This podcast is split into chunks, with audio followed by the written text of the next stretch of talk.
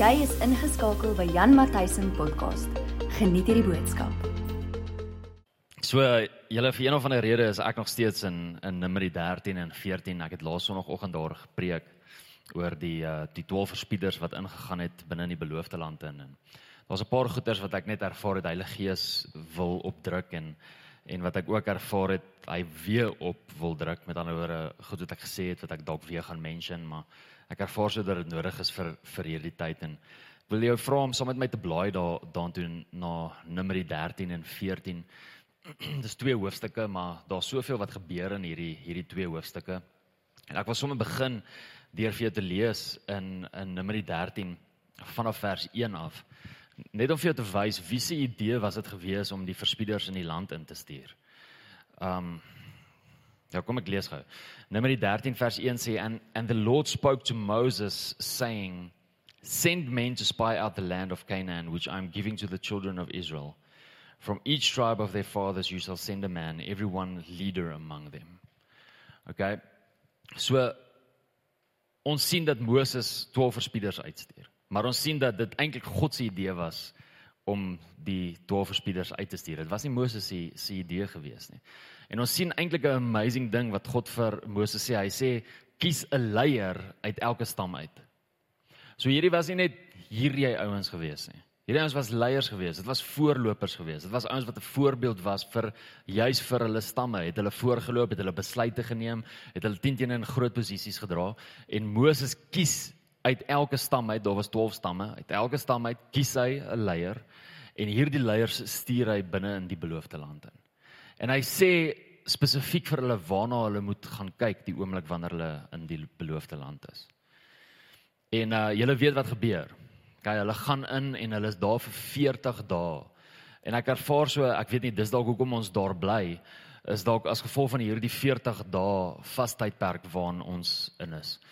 Want vir 40 dae wil ek hê met met die volgende prentjie hê. Vir 40 dae is hulle letterlik binne in die belofte.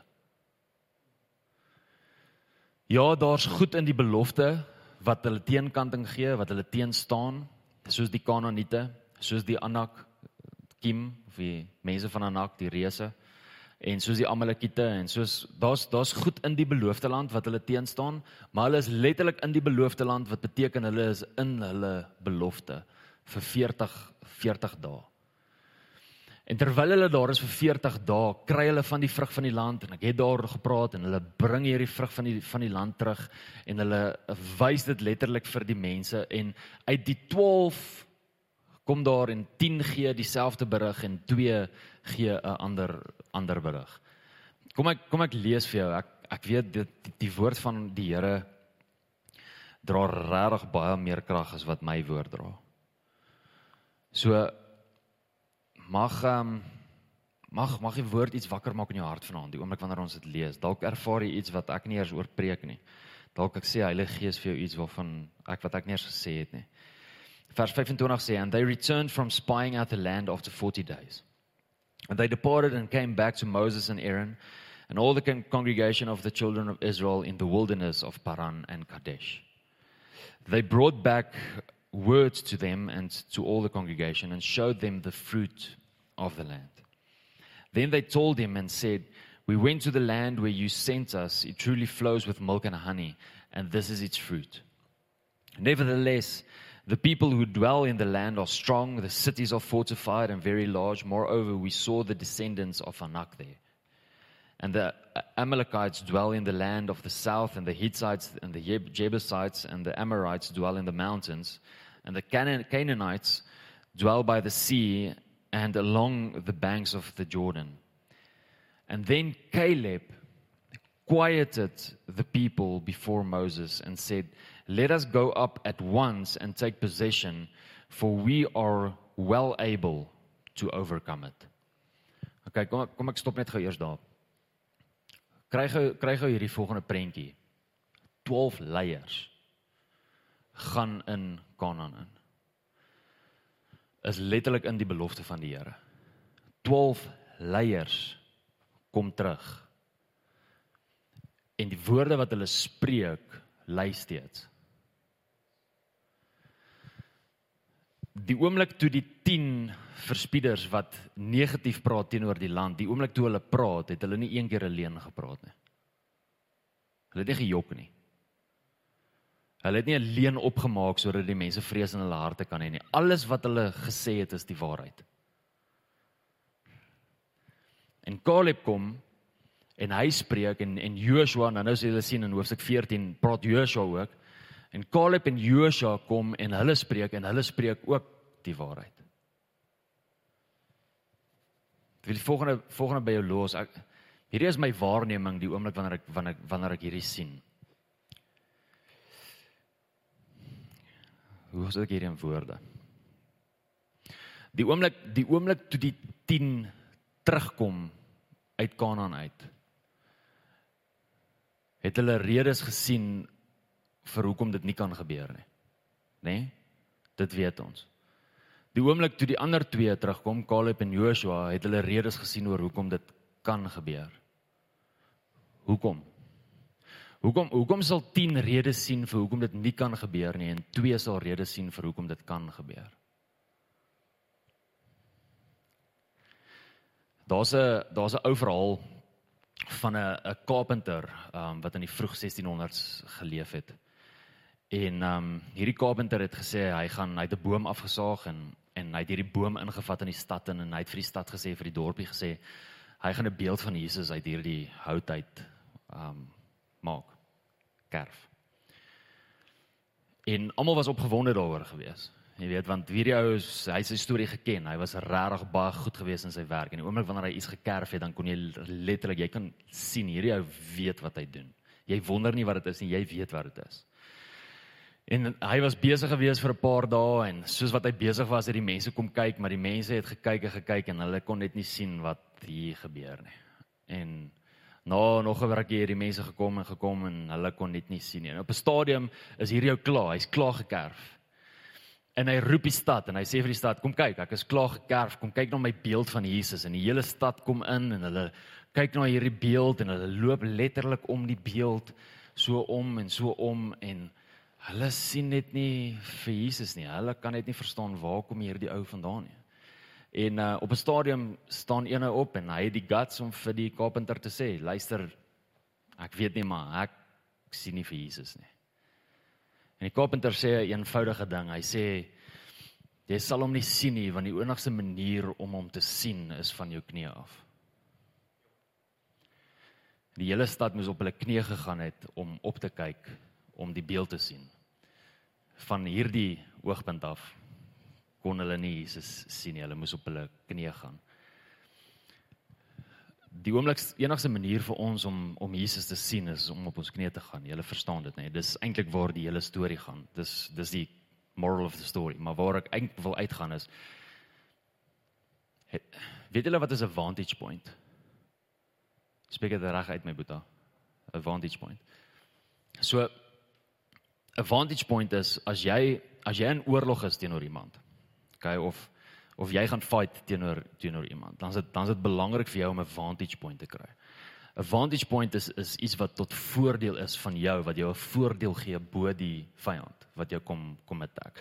So wat hulle baie keer sal doen byvoorbeeld um as jy die geskiedenis van Suid-Afrika ken sal jy weet Amayuba daar by Volksrust was 'n vantage point geweest vir die boere. Hulle het letterlik bo op die berg gegaan en daar het hulle van vanaf oorlog gemaak So so wat baie mense doen is hulle sal op 'n hoë area kom sodat hulle van daai hoë area af letterlik ver kan sien want as jy hoog is, kan jy die strategie sien van die vyand wat na jou toe kon kom en jy kan ook die getalle sien en jy kan maklik sien as hulle dalk hulle angle verander of van 'n ander rigting af kom of as net van die mense kom. So daar's daar strategie op dit, die vantage point. As as as ons as gelowiges nie van ons vantage point af 'n saak bekyk nie, gaan ons altyd optree soos die 10 verspieders wat ehm um, nie 'n vantage point gehad het nie. Ek weet nie of jy my volg nie. Kom ek kom ek verduidelik. Kom ek verduidelik dit so. Die die 10 verspieders se mindset was was gewees. Ons is in die wildernis. Daar's Kanaan. Daar is die belofte Ons moet van hier af beweeg om die belofte in besit te neem.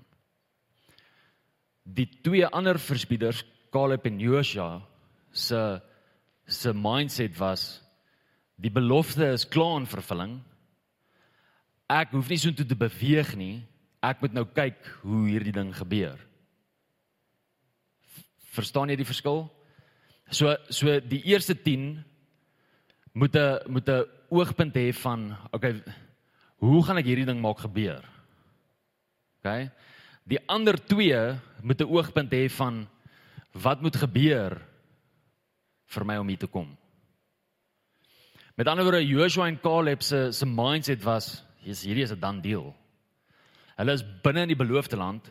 Hierdie is ons land. Hierdie is wat God gespreek het. Hierdie gaan ons inne wees. Wie van julle weet dis dos het jy al 'n kar gekoop? Nê? Nee? Ek probeer hierdie baie prakties maak vir jou. Het jy al 'n kar gekoop? Stap jy by nee, nou moet ek 'n dealership kies wat waarvan julle almal nou gaan hou. Stap by GWM en jy sê 'n grapie. Niks teen GWM nie. Niks teen dit. Stap by Toyota aan. Terwyl jy by Toyota instap, staan daar 'n Yaris. OK?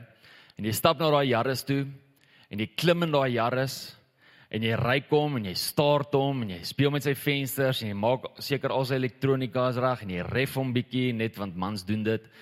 En en die oomblik wanneer jy daar uitstap, dan weet jy dis my Yaris. Daai. Het jy al so gevoel as jy 'n kar koop? Ek het al so gevoel. Kyk, as jy so dan jy nog 'n kar gekoop het, nê. Nee. Ek het al so gevoel. Jy jy jy stap by 'n dealership in, jy klim binne in daai kar, jy ondersoek daai kar deeglik en binne in jou gemoed weet jy, dis dis my kar. OK. Jy stap daar uit en jy weet en en jou mind sal ook wees, dis dis my kar, maar dis nog nie jou kar nie. Want jy moet hom nog eers purchase. Jy moet hom nog eers betaal. En as jy hom betaal het, gaan jy in jy gaan kry die sleutels en jy ry daar uit en dan is dit jou kar. Joshua en Caleb het die, in die kar geklim. Hulle het alles gekyk, hulle het alles bereik want ek nuwe kar ry lekker nê. Hulle het hom gestart, hulle het hom geref, hulle het al daai goeters gedoen en hulle het geweet hierdie is hulle kar. En toe hulle uitstap terug na die wildernis toe, was hierdie hulle mindset, daai kar is klaar gekoop.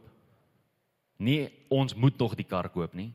Die kar is klaar gekoop want God het so gesê. Die ander 10 moes, "Ag, oh, ons moet nog daai kar koop."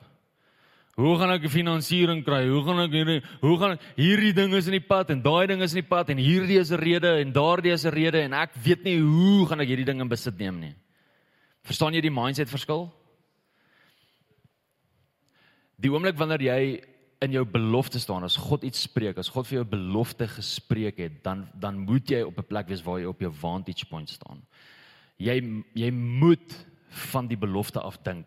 Jy kan nie na die belofte toe dink nie. Hoor jy wat ek hoor jy wat ek sê? Ek gaan dit weer sê. Dit lyk of ek julle mis vanaand.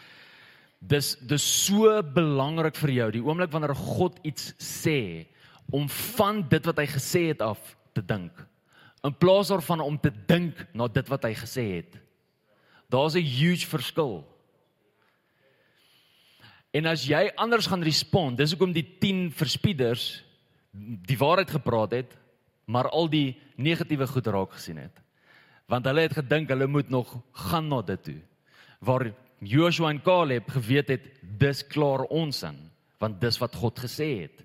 Met ander woorde hulle mindset was van ons beweeg van die waarheid af. Ons beweeg van die belofte af. Ons beweeg van dit wat God gesê het.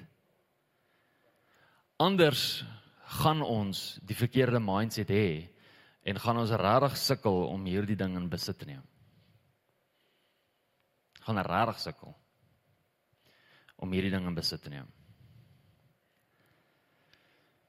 Ek wil vir jou ek wil vir jou lees hoe die Here optree in in hierdie tyd want ek dink ek dink ons praat altyd van hoe die mense optree. Dit is belangrik om te kyk hoe die Here optree in in hierdie tyd.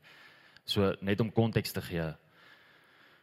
Die mense van van Israel behalwe vir vier letterlik Moses, Aaron, Joshua en Caleb. Hulle vier is so excited oor die belofte wat God gespreek het.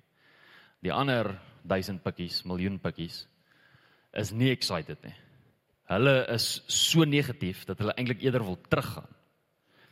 So so die belofte het nie gemaak dat hulle wil vorentoe toe gaan nie. Die belofte het nie gemaak dat hulle oukei okay is met waar hulle is nie. Die belofte het gemaak dat hulle wil terughardloop. So, ek wonder hoekom profeteer profete altyd sulke mooi beloftetjies.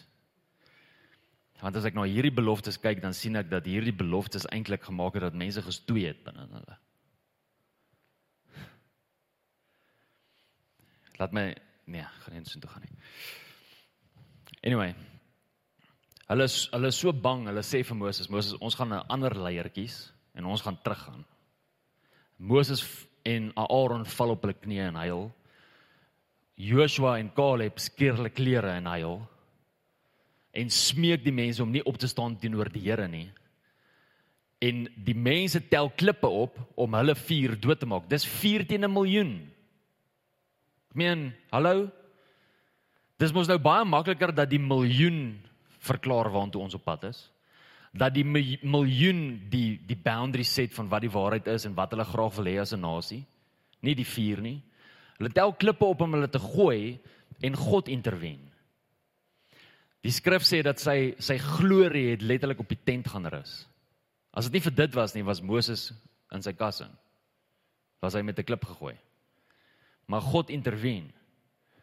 En hoor wat sê God vir Moses. Nadat Moses by die Here pleit en vir hom sê Here asseblief moenie hierdie mense doodmaak nie. Wat gaan al die ander mense sê as U hulle doodmaak? Hulle gaan sê kyk hoe het daai sterk God hulle uit Egipte uitgelei net om hulle in die wildernis te gaan doodmaak. Dink aan u naam. En God sê vir Moses, hy sê Moses, vergeet van hierdie mense. Ek sal van jou 'n groot nasie maak. Jy's daai woorde was vir my amazing geweest want vir wie het hy daai belofte gegee? Vir Abraham. God is so kwaad dat hy sy belofte van Abraham af sal skuif na Moses toe. En vir Moses sê, Vergeet van hierdie mense, ek sal hulle doodmaak en dan sal ek van jou 'n sterk nasie maak. Dis hoe God, dis hoe dis hoe kwaad God is. En Moses is net soos Here as asseblief moenie dit doen nie. En hoor wat sê wat wat sê God? Hy sê then the Lord said I have pardoned according to your word. Sjoe. Praat van intersessie. Praat van intersessie. Net net so op dit intercessors, wat 'n groot taak het ons vir hierdie dorp? Wat 'n goeders is daar wat gepaden moet word? Wat die Here nie eintlik kan oorkyk nie want hy is geregverdig. Maar wat hy sal paden as gevolg die feit dat ons intree. Vers 21 sê, "But truly as I live, all the earth shall be filled with the glory of the Lord." God het dit self gesê. Because all these men who have seen my glory, worry, all these men who have seen my glory, and the signs which I did in Egypt and in the wilderness, and have put me to the test now, these ten times, and have not heeded my voice, they certainly shall not see the land of which I swore to their fathers, nor any of those who reject me will they see it. Yes, Yada.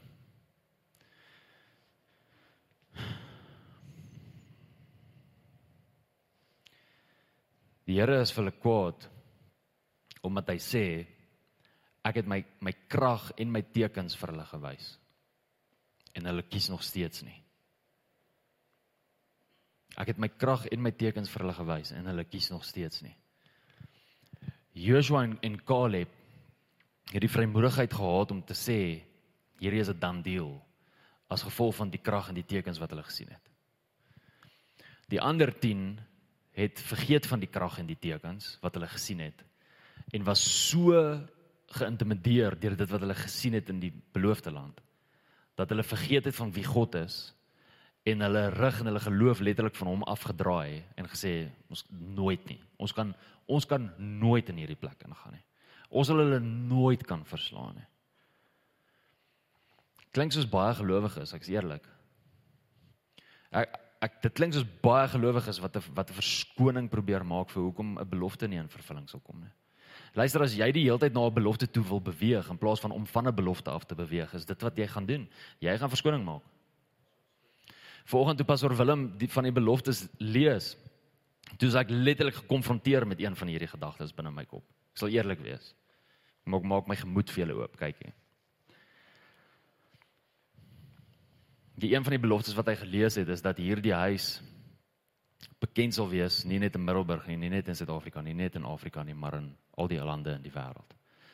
En die oomblik toe hy dit lees, toe dink ek vir myself, dis Here hoe. En in daai oomblik word hierdie boodskap gebore. Wat die Here vanaand deel. Want daar deel hy met my oor hierdie goeters. Kolossense Kolossense Kolossense 2 3 3 Kom ons kyk.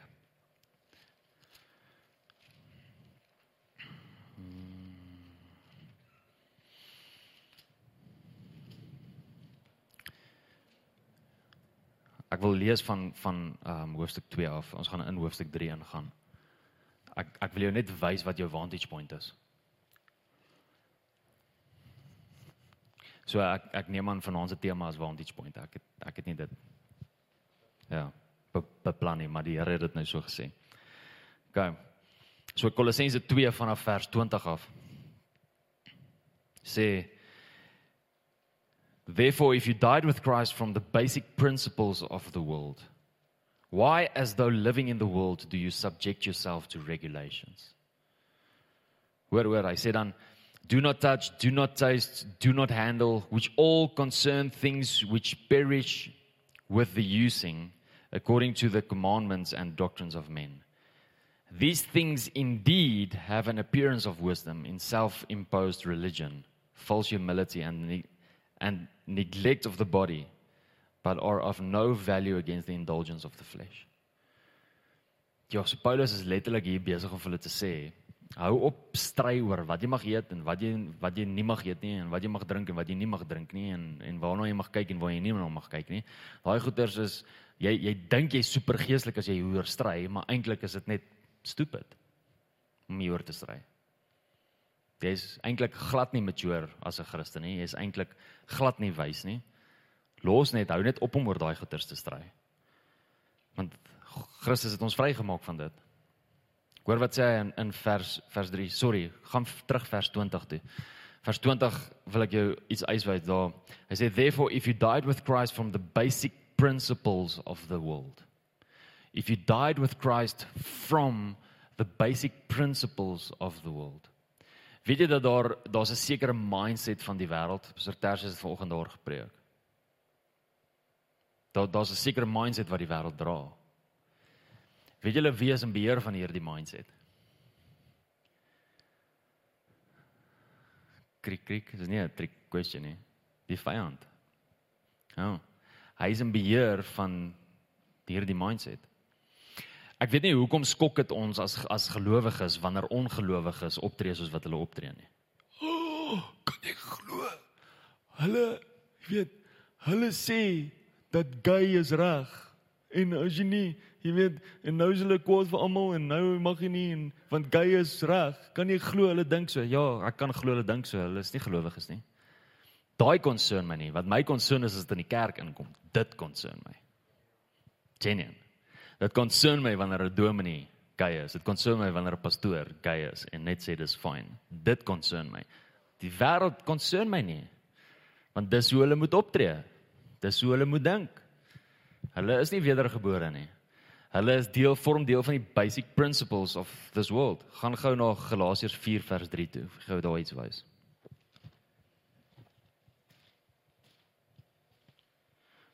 Galasiërs 4 vers 3 sê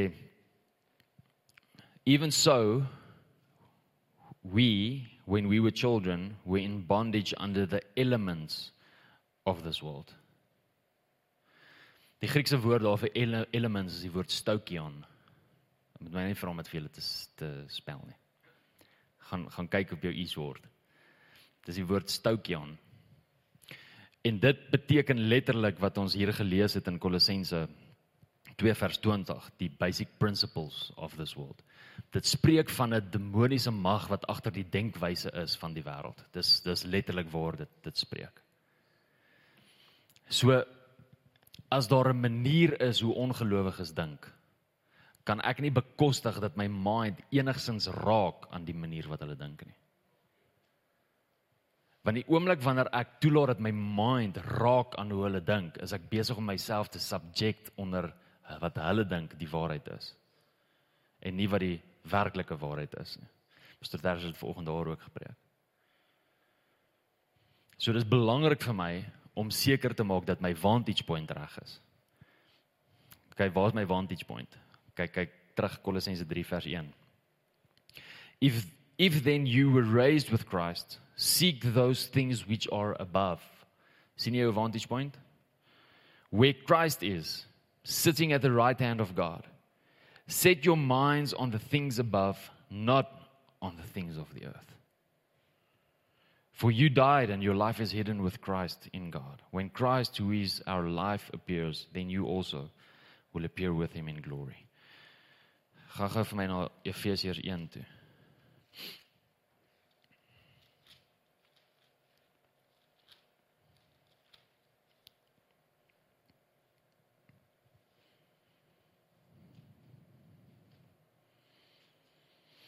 Efesiërs 1 vanaf vers 20 af.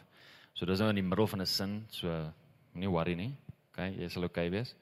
Which he worked in Christ when he raised him from the dead and seated him at the right hand and um, in the heavenly places, far above all principality and power and might and dominion and every name that is named, not only in this age but also in which is to come. And he put all things under his feet and gave him to be head over all things to the church, which is his body, the fullness of him who fills all in all. Hoofstuk 2. And you he made alive who were dead in trespasses and sins, and which you once walked according to the course of this world. sien julle weer? The course of this world. Hoe die wêreld opereer, hoe die wêreld dink, hoe die wêreld reageer. According to the prince of the power of the air. sien julle soos hoekom reageer die wêreld soos wat hulle reageer? Hoekom dink hulle soos wat hulle dink? According to the prince of the power of the air. Daar's 'n rede hoekom hulle dink soos wat hulle dink. The Spirit who now works in the sons of disobedience, among also we all once conducted ourselves in the lust of our flesh, fulfilling the desires of the flesh and of the mind, and were by nature children of the wrath, just as others. But God, who is rich in mercy because of his great love with which he loved us, even when we were dead in trespasses, made us alive together with Christ. By grace, and you have been saved, and raised us up together, and made us sit together in heavenly places in Christ Jesus. Waar is ons vantage point? Daarbo by hom. Wat beteken ek sien die wêreld anders as wat ander mense die wêreld sien. En en familie hoor my mooi, ek wil vandag vir jou sê dat as jy nie die wêreld anders sien nie, dan is jy letterlik besig om te val in dit wat Paulus gesê het in Kolossense deur jou gedagtes te rig op die dinge wat daarbo is.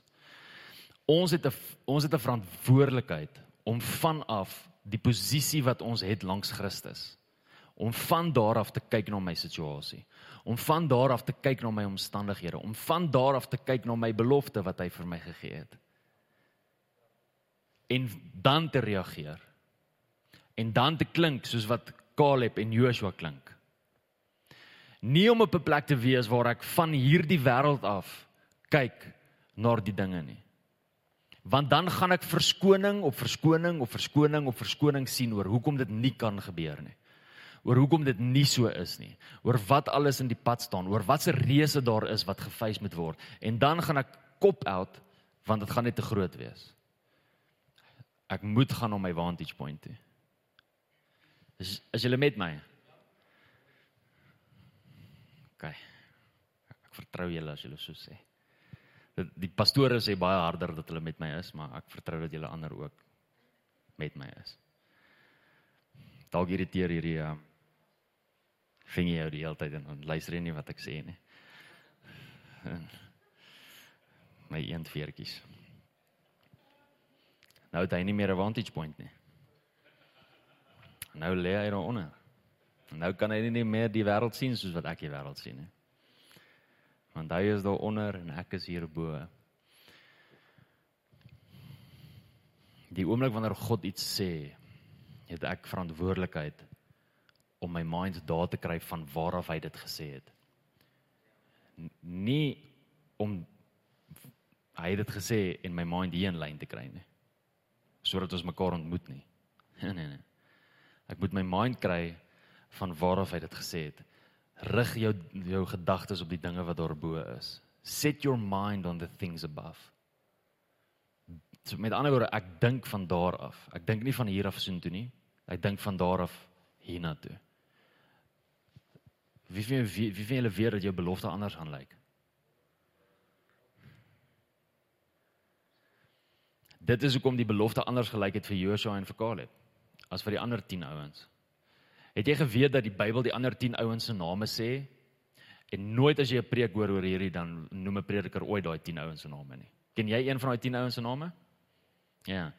Want mense onthou nie cowards nie. Mense onthou mense wat waag. Mense onthou mense wat God op sy woord vat. Mense onthou mense wat die guts het om God te vertrou die oomblik wanneer hy dit gesê het, want hulle weet wie hy is. Want familie, daar's 'n muur daar agter wat daarop staan getuienismuur. En daai muur is ons wonders en tekens en krag wat Jesus God vir ons gewys het terwyl ons in die wildernis is op pad na ons beloofde land toe. En daai muur maak dat ons die reg het, die reg verloor het om ooit te dink soos hierdie 10 ouens gedink het. Want het julle al gesien wat het hy gedoen? Het jy al gelees wat het hy gedoen? So daai goeders wat hy gedoen het al, dis nie goed wat hy gaan doen nie, daai is goed wat hy gedoen het. Daai goed wat hy gedoen het, maak dat ek anders dink aan die goed wat hy nog gaan doen. As ek nie daai goed gehad het nie, sou dit wat hy nog gaan doen heeltemal anders gelyk het. Maar dit doen nie. Ek het my reg verloor. Net soos wat Israel hulle reg verloor het. God was vir hulle kwaad want hulle het vergeet wie hy was. Ek sal nie vergeet wie hy is nie. Ek sal onthou wat hy gedoen het. Daai maak dat ek vertroue het op dit wat hy gesê het. Daai maak dat ek vertrou het in sy in sy beloftes. Daai help my om my gedagtes daarbo te sit. Daai help my om van bo af neer te kyk op my belofte en my situasie in plaas van om dit anders om te doen. Dankie dat jy saam met ons geluister het. Onthou om te subscribe op hierdie podcast. Volg ook vir Jan op Facebook en YouTube. Tot 'n volgende keer. Die Here seën jou.